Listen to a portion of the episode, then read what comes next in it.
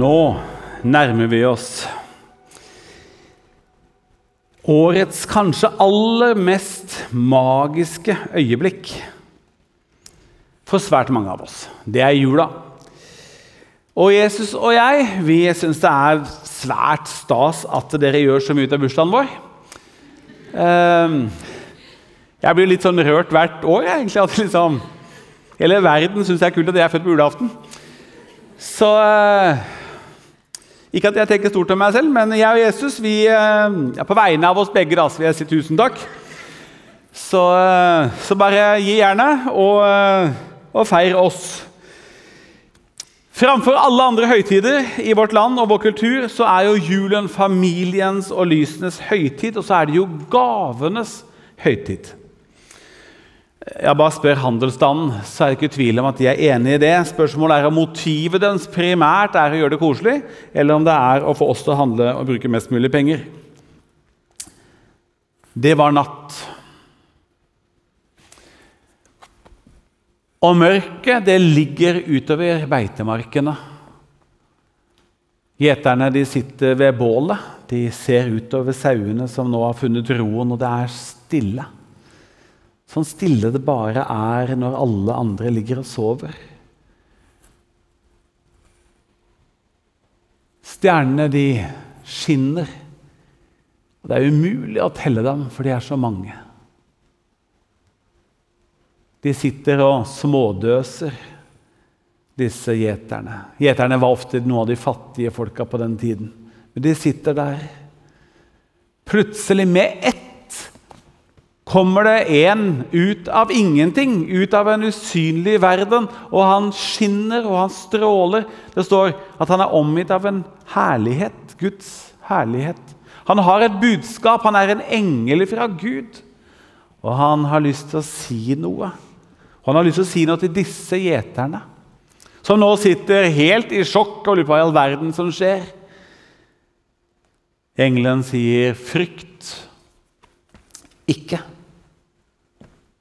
Jeg forkynner dere en stor glede. Det er en glede for hele folket. I dag er dere født dere en frelser. Han er Messias, Herren. Og dette skal dere ha til tegn. Dere skal finne et barn. Og det er svøpt, og det ligger i en krybbe. Og som ikke det var nok med denne her engelen som plutselig står der og skinner, så får han selskapet av en himmelsk hærskare som gir disse englene tidenes konsertopplevelse idet den fyller hele himmelen med lovsang og tilbedelse. Og så trekker de seg tilbake.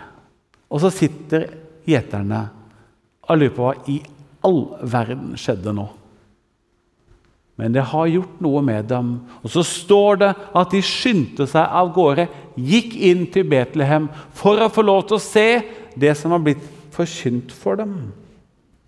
Og snart har de funnet fram, og de står tomhendt utenfor en stall. De ser en ung pike med et lite barn i armene og en mann som står der. Han het Josef, hun het Maria, og dette lille barnet har fått navnet Jesus. Og de får lov til å stå der tomhendt, men i tilbedelse og undring. Snart kommer det andre gjester. Disse er ikke så fattige som gjeterne. Disse har reist langt og lenge. De er vismenn fra Østen. Og når de endelig kommer frem, så bøyer de kne og tilber og hyller dette barnet. Og så løfter det fram gaver.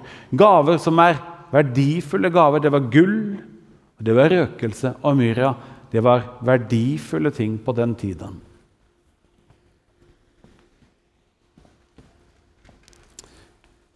Men julen den er ikke først og fremst gavenes høytid.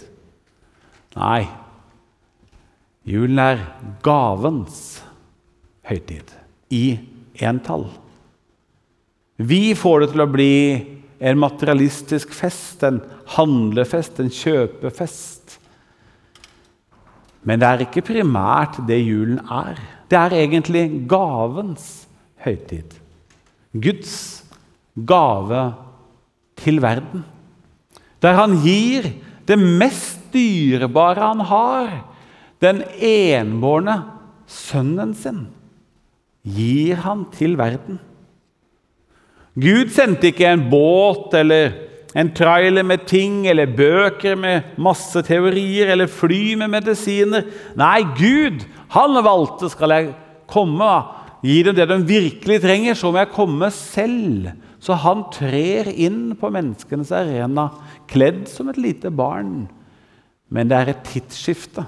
Nå er det noe i ferd med å skje som langt overgår forstanden og tanken og forestillingsevnen til alle som var der på den tiden. Det var Gud som trer inn i historien på en helt ny måte. En av disiplene til Jesus, han som opplevde seg så elsket at han kaller seg selv for den disippelen som Jesus har kjær, den disippelen som Jesus elsker, Johannes, han skriver i sitt første kapittel det sanne lys. Som lyser for hvert menneske, kom nå til verden. Han var i verden, og verden har blitt til ved han. Det betyr at når skapelsen begynte, når alt ble satt av lys og måne og stjerner, når vannet ble plassert og fjellene formet, da var Jesus der. Ingenting er blitt til av alt som er til uten, uten gjennom Han. Han var i verden, og verden var blitt til ved han, men verden kjente han ikke. Han kom til sitt eget, men hans egne tok ikke imot ham. Men alle som tok imot ham, dem ga han retten til å bli Guds barn de som tror på hans navn. Johannes velger i begynnelsen av sitt første kapittel å kalle Jesus for ordet, Guds ord, Guds løfte. Og så sier han og ordet ble menneske. Og det tok bolig iblant oss, altså flyttet inn.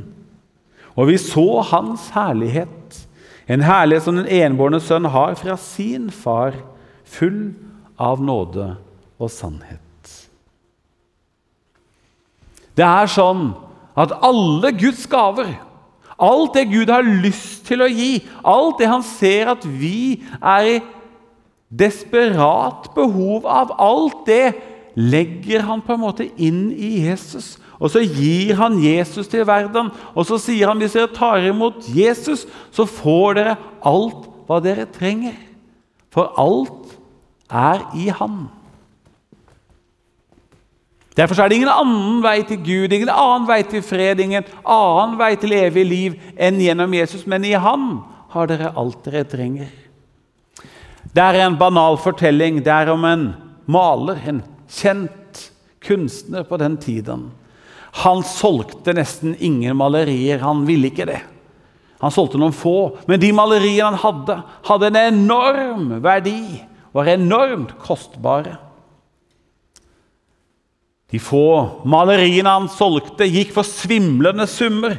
Denne maleren opplever etter hvert lykken. Han får en fantastisk kone som han elsker om alt på jord. De får en gutt, en sønn, som tar hele livet og hjertet hans og sender et lys som han aldri før har kjent, og en varme. Han er så takknemlig. Men så skjer det som ikke skal skje. Denne kona blir syk, og etter kort sykeleie dør hun. Kort tid etter blir også sønnen syk, og etter kort sykeleie dør også han. Denne kunstneren, maleren, han går inn i en dypt mørke. Han lukker dørene. Det eneste han har i huset, er en tjener som hjelper han og steller og ordner. En tjener som har vært der i alle år. Så går årene, til slutt så dør denne kunstneren. Men han har etterlatt seg et testamente, og i testamentet så står det at alle hans kunstverk de skal auksjoneres bort. Og Nå går ryktet i hele kunstverdenen og langt utenfor den at det skal være en auksjon. Og disse fantastisk verdifulle, vakre maleriene til denne avdøde kunstneren skal nå auksjoneres bort. Og det er pakka fullt i huset der det her reaksjonen skal foregå. De står ute i gangen der ute. Og i hele rommet er det fylt opp av fantastiske malerier. Og så står det et stativ rett siden av auksjonarius, og på det så står det et bilde. Og det er bildet av en gutt. Alle som er i rommet, er jo enige om at det bildet er litt annerledes enn de andre. Bildet er veldig privat, veldig personlig, nesten intimt nært. De blar i katalogen og ser at bildet heter 'Sønnen'. Og Det står et par setninger der som gjør at alle forstår at dette er det maleriet som kunstneren malte i sorg og savn etter gutten sin. Dette er bildet av sønnen hans som døde. Så går auksjonarius fram, og så sier han at ifølge testamentet så skal vi nå auksjonere bort alle disse fantastiske bildene. De har en skyhøy verdi, så jeg vet at mange av dere er ivrige nå. Men ifølge det testamentet så skal eh, dette maleriet, som heter 'Sønnen', det er det første som skal selges. Og Så ber han da om noen bud på dette. Det kommer ingen bud, for ingen syns det bildet passer noe sted. Det er altfor personlig, det er altfor privat, det er altfor nært. Auksjonarius blir litt fortvila. Han går ned i sum. Han prøver å lokke noen på banen. Ingen sier noe. Til slutt så kommer det et bud fra bakerste hjørne der. Det er et skambud i praksis. Det er ekstremt lavt. Det er sånn at folk humrer litt i benkeraden og sier det der er helt meningsløst. Men det kommer ingen andre bud. Men selv om dette budet er lavt, så er det ikke lavt for han som har kommet med det. For den som kom med det, det var denne tjeneren som har vært i huset til maleren. Han som kjente kona til maleren. Han som hadde lekt med denne gutten som nå var et bilde av. Det var han som hadde båret han, tatt han med ut, lekt med han, kledd han, stelt han og fulgt han opp. Han kjente den gutten på det bildet. Han byr på bildet. Han tar alle sparepengene sine og byr. Det var alt han eide og hadde. Auksjonarius skjønner det kom ingen andre bud, så han sier første, andre, tredje gang. Bildet er solgt til mannen bak til høyre der. Det går et lettelsens sukk gjennom hele rommet, for nå endelig er det dette bildet av veien, og nå kan de virkelig få lov til å begynne å by på de andre bildene som alle var nysgjerrige og interessert i. Det er, alle forbereder seg for kamp her nå, for de skal ha dette og dette bildet. De hadde allerede funnet ut hvilke bilder de skal ha. Så blir de litt forundret, for nå ser de plutselig at auksjonarius begynner å pakke sammen tingene sine. Og det begynner å protestere, så det står kikker auksjonarius opp, og så sier han jeg må til slutt få lov til å lese slutten av testamentet. Og I testamentet til kunstneren så står det at den som kjøper bildet som heter Sønnen, den som kjøper Sønnen, får alle de andre bildene. Det er en banal fortelling, men det er i virkeligheten sånn Gud også har gjort det. Den som tar imot Sønnen, får alt det andre. Det er historien din, du som tror. Det er fortellingen om hva du har fått. Du er mye rikere enn du tror. Du har fått mer enn det du har bedt om. Dette at Sønnen har gitt deg adgang til alt hva Gud er, og hva Gud har.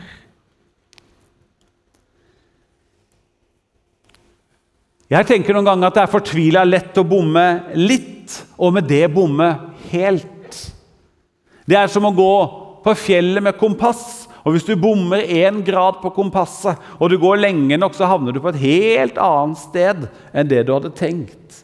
Eller du sitter nå og skal skrive eller gjøre opp et regnskap, og du setter komma på helt feil sted. Da får du en helt feil sum i bunnen.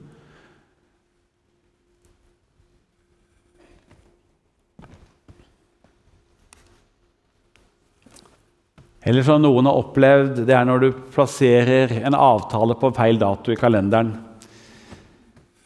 Og noen ringer og sier du, 'Hvor blir du av?' Og du skjønner på spørsmålet at noe har gått gærent. Jeg skulle vært et helt annet sted enn her. Det er noen ganger de små feilene får store konsekvenser. Når du bommer litt, så kan det hende du bommer helt. Og Jeg har lyst til å si og påstå kanskje det denne ettermiddagen.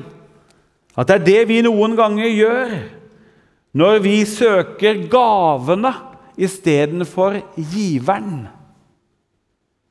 Vi søker gavene istedenfor giveren.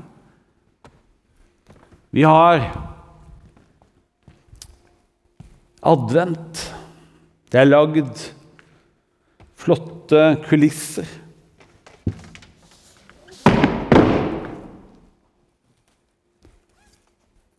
Der ligger det en gave. Den var ikke himla imponerende, for helt ærlig. Ehm, det mest imponerende er egentlig lappen. Nå, nå, vet mange det at når vi var små Små gaver det var kjipe gaver. Myke gaver det var enda kjipere gaver. Men når du er voksen, så kan små gaver være veldig bra gaver. for da kan det ofte være noe veldig dyrt. Det kan være, Men det vet man jo aldri før man åpner gaven.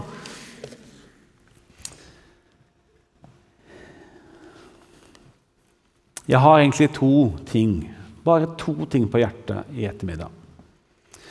Det er noen ganger jeg er Jeg vet ikke om det er bare meg, men det er noen ganger vi blir veldig opptatt av de spesielle tingene.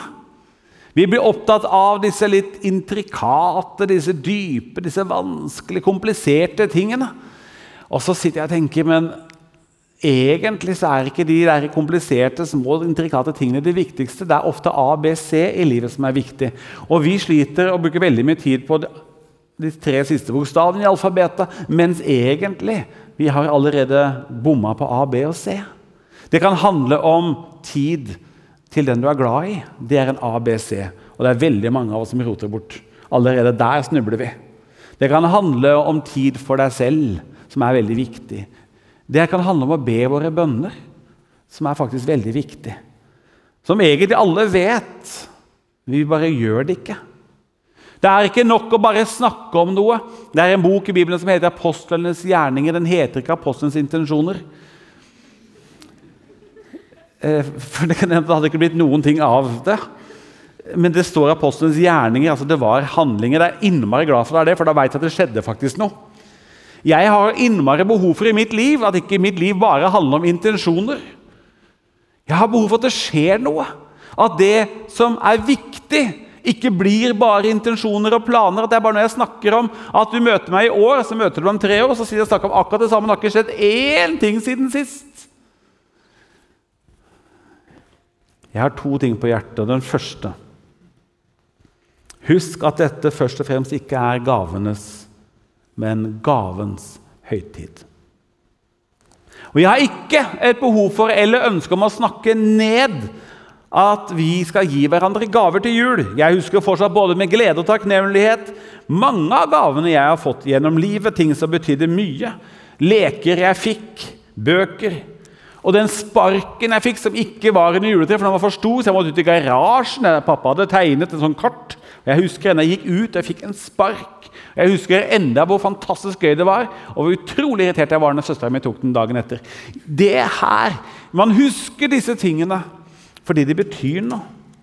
Men julen handler egentlig ikke om det vi gir, men om det Gud ga. En gave.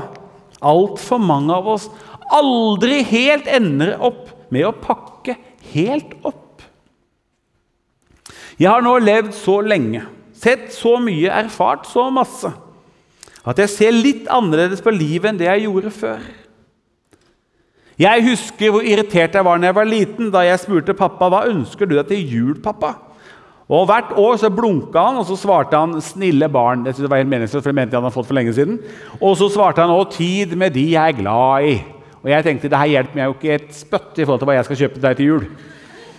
Og han sa det hvert år. Nå har jeg blitt en sånn en. Jeg ønsker meg snille barn til jul. Mine barn mener de har fått det. At jeg fått for lenge siden. Og så ønsker jeg meg tid med de jeg er glad i. Nå vet jeg at de som er mellom fem og,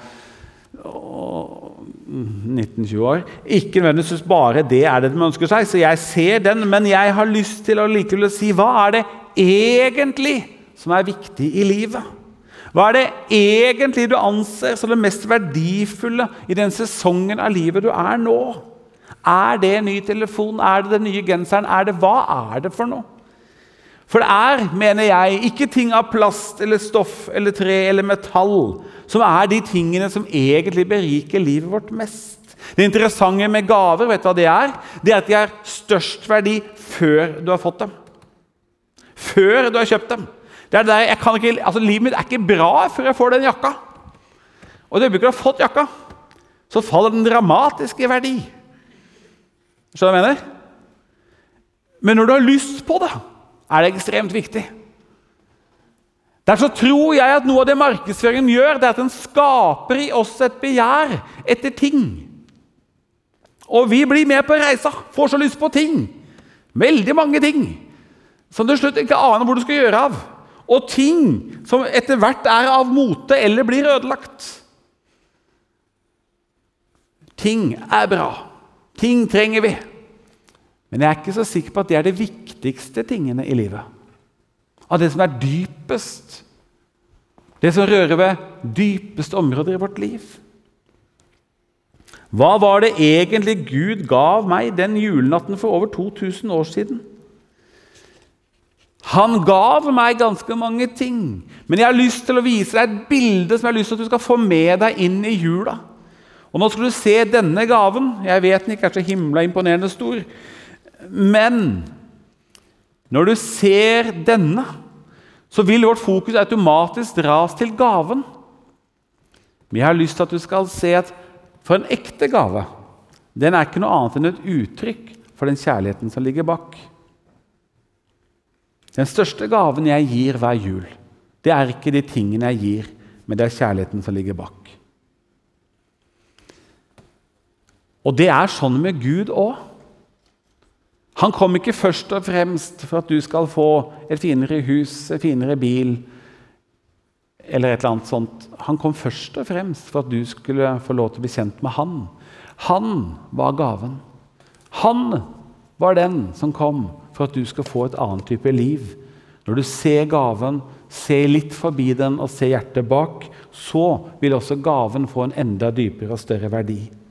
Når Gud kom og ga seg selv og ga sin sønn, så har du og jeg som har tatt imot, fått lov til å få han. Men jeg vil påstå, du kan få lov til å tenke om du er enig etterpå, og det er at vi har egentlig ikke pakka ut gaven ordentlig. Vi tok det vi fikk med oss der og da, det vi trodde vi trengte. Men det er så mye mer. Når Bibelen snakker om dette, når Gud snakker om det, når Jesus selv snakker om det, så tegner han bilder av f.eks. et tre som vokser opp. Og så sier han, 'Men dere er grenene'. Og Når dere er koblet på treet, så får dere tilgang til alt det som er i stammen, som er Jesus. Når vi bare er kobla på Han. Derfor sier han også at det skal bli i deg en kilde som veller fram til evig liv. Hva er det du fikk? Hva var det jeg fikk når Jesus kom til denne verden?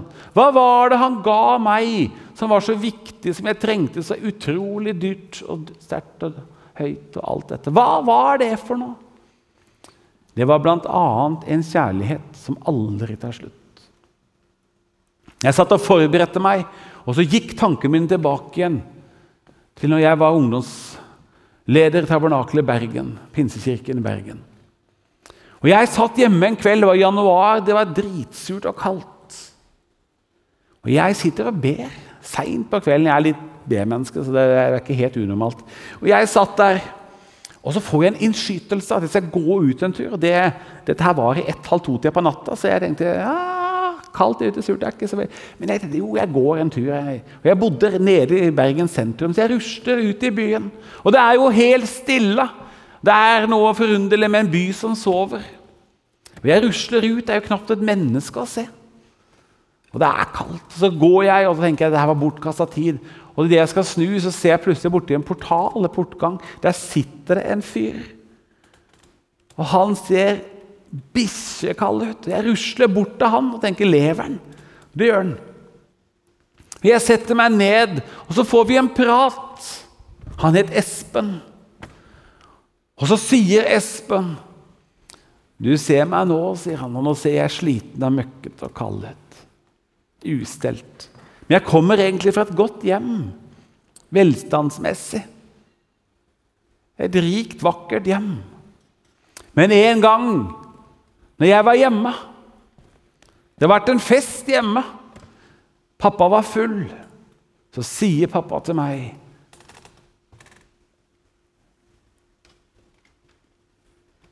Vi ønsket egentlig aldri deg. Det har jeg aldri glemt. Pappa sa at jeg var uønsket som sønn. Det var begynnelsen på en reise som har ført meg inn i det portalet her på en kald januardag i Bergen, hvor rus og spetakkel og fornedrelse og skam og alt dette det begynte med å få lov til å høre av sin egen pappa, som var full og brisen, og sier at når du kom, ble livet bare kjipt. Du var ikke planlagt, du var ikke ønsket. Jeg har lyst til å si til deg at noe av det du fikk når du tok imot Jesus, det er en Gud som har sagt med en evig kjærlighet har jeg elsket deg. Og den tar aldri slutt. Vi er alle sammen første sortering fra Skaperens hånd. Vi er alle ønsket og planlagt i en evighet før jord og himmel ble til. Etterlengtet er du. Og så høyt elsket at selv når du snudde han ryggen, selv når du sluttet å be, selv når da du valgte å ikke bruke tid verken på det han bryr seg om, eller det han er, klarte ikke han å gi opp deg han bare fulgte etter. Om du går tusen skritt bort fra Gud, er det alltid bare ett skritt tilbake, for han følger etter.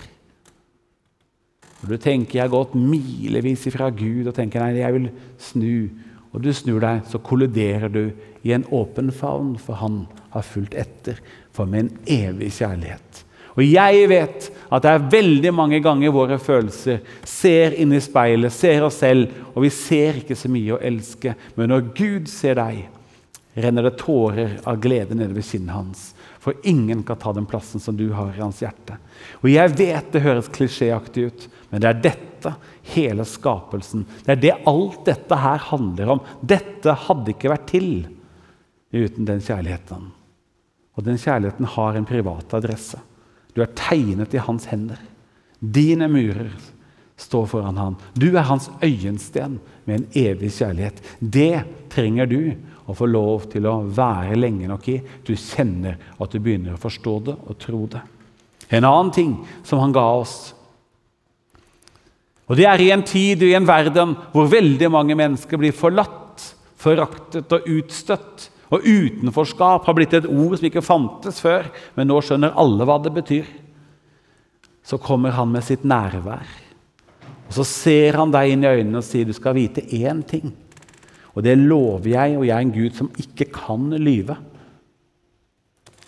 Jeg er med deg alle dager. Alle dager.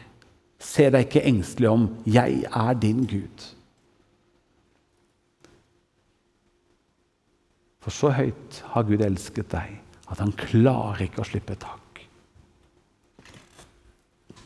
Og Jeg vet at vi kan føle oss ensomme og alene, men sannheten er at vi er egentlig aldri alene.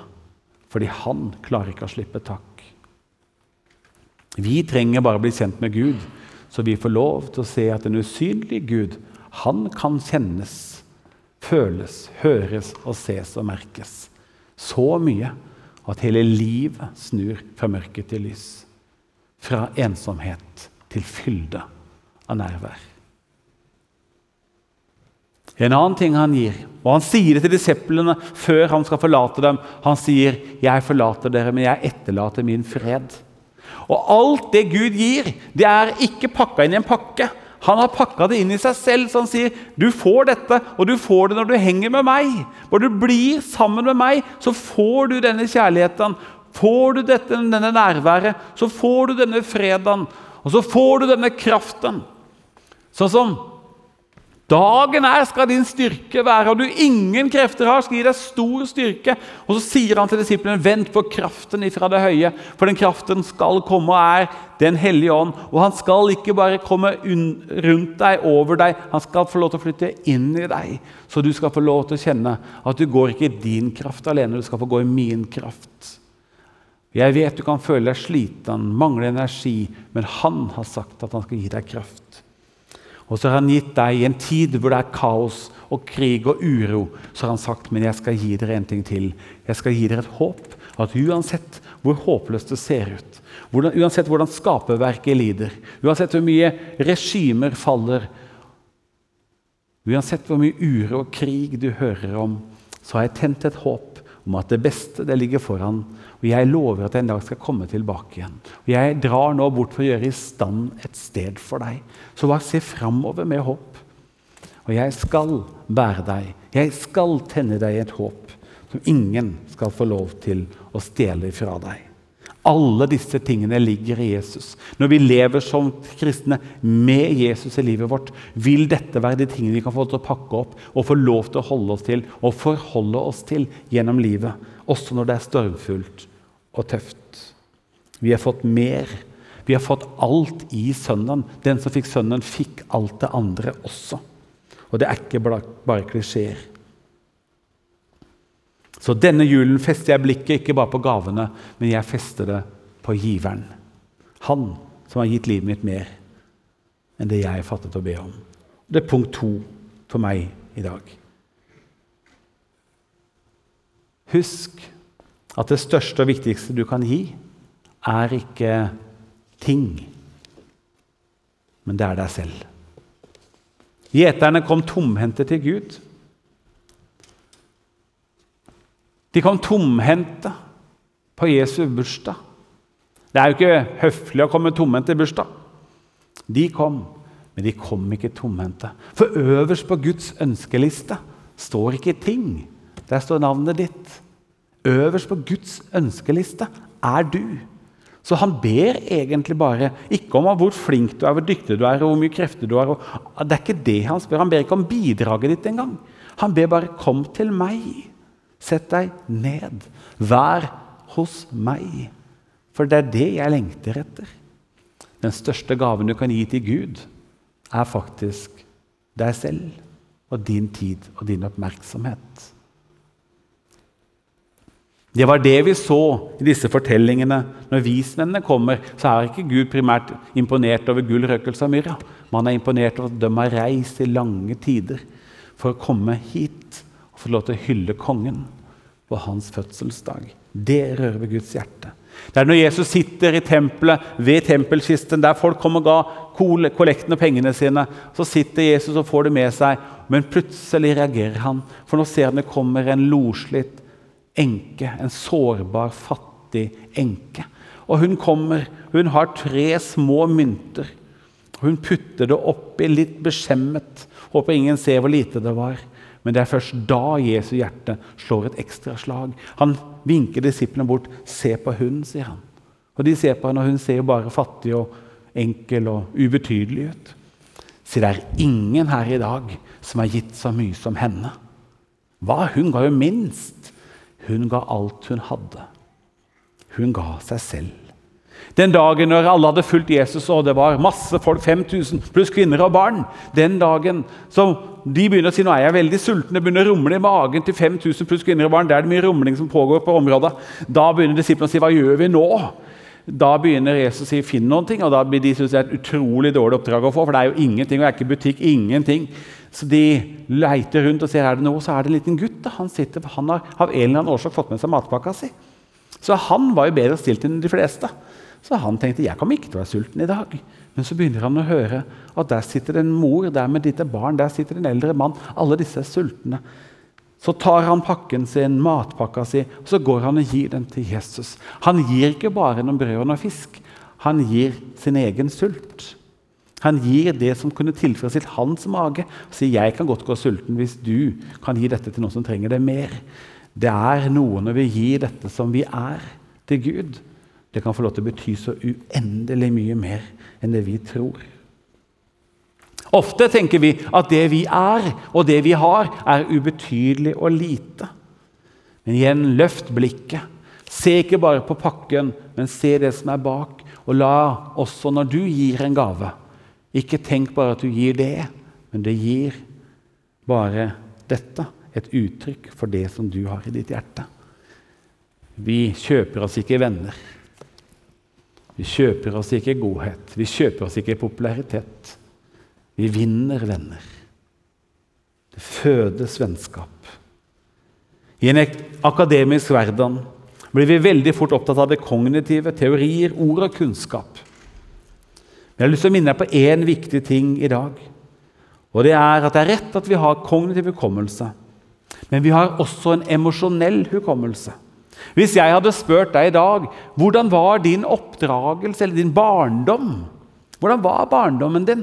Da hadde ikke du primært først begynt å tenke sitater på fem punkter mor sa om hvordan vasker vi rommet eller rydder vi rommet. eller hva. Det er ikke det. Du kommer til å huske føltes det trygt.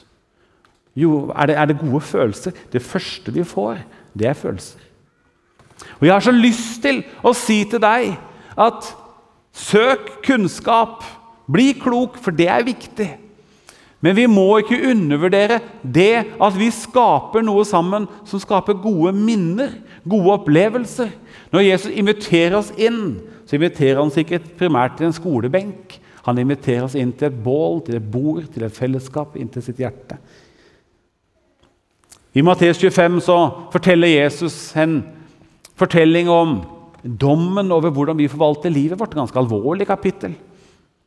Men når jeg satt og leste det med dette bakteppet om at Jesus sa at 'jeg har lyst til å gi dere gode opplevelser', 'Jeg har lyst til å ta dere inn til mitt liv, jeg har lyst til å gi dere alt hva jeg er', så dere ikke skal være ensomme, ikke være triste, ikke være alene på noen måte. Så ble plutselig dette avsnittet annerledes. For hør, jeg var sulten. Dere ga meg mat. Jeg var tørst og dere ga meg drikke. Jeg var fremmed. Og Du sa det også her sånn Det å komme fremmed, det er alltid sårbart. Være alene, ingen andre. Jeg kjenner, Alle de andre kjenner hverandre, jeg kjenner ingen. Det å få lov til å si 'jeg var fremmed' Dere tok imot meg. Jeg var naken, dere kledde meg. Jeg var syk, og dere så til meg. Jeg var i fengsel, og der besøkte dere meg.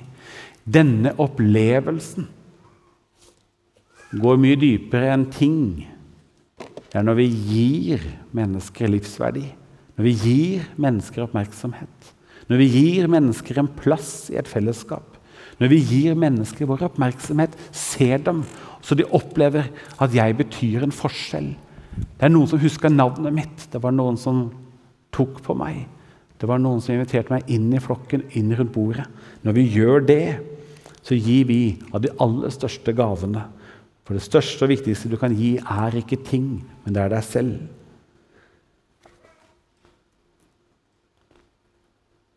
Det var en frelsesarmésoldat, jeg avslutter med det.